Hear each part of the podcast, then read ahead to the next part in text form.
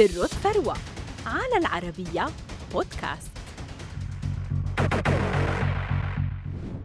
كانت ماكنزي سكوت فتاة عادية قدمت نفسها للمجتمع الأمريكي كروائية وناشطة في أعمال الخير ثم كزوجة لمؤسس عملاق التجارة الإلكترونية في العالم أمازون ولم تكن ضمن أثرياء العالم حتى عام 2019 في عام 2020 حصلت على لقب أغنى سيدة في العالم وفي العام 2022 حلت في الترتيب الرابع بثروة تصل إلى 42 مليارا و700 مليون دولار فما سر هذه الثروة؟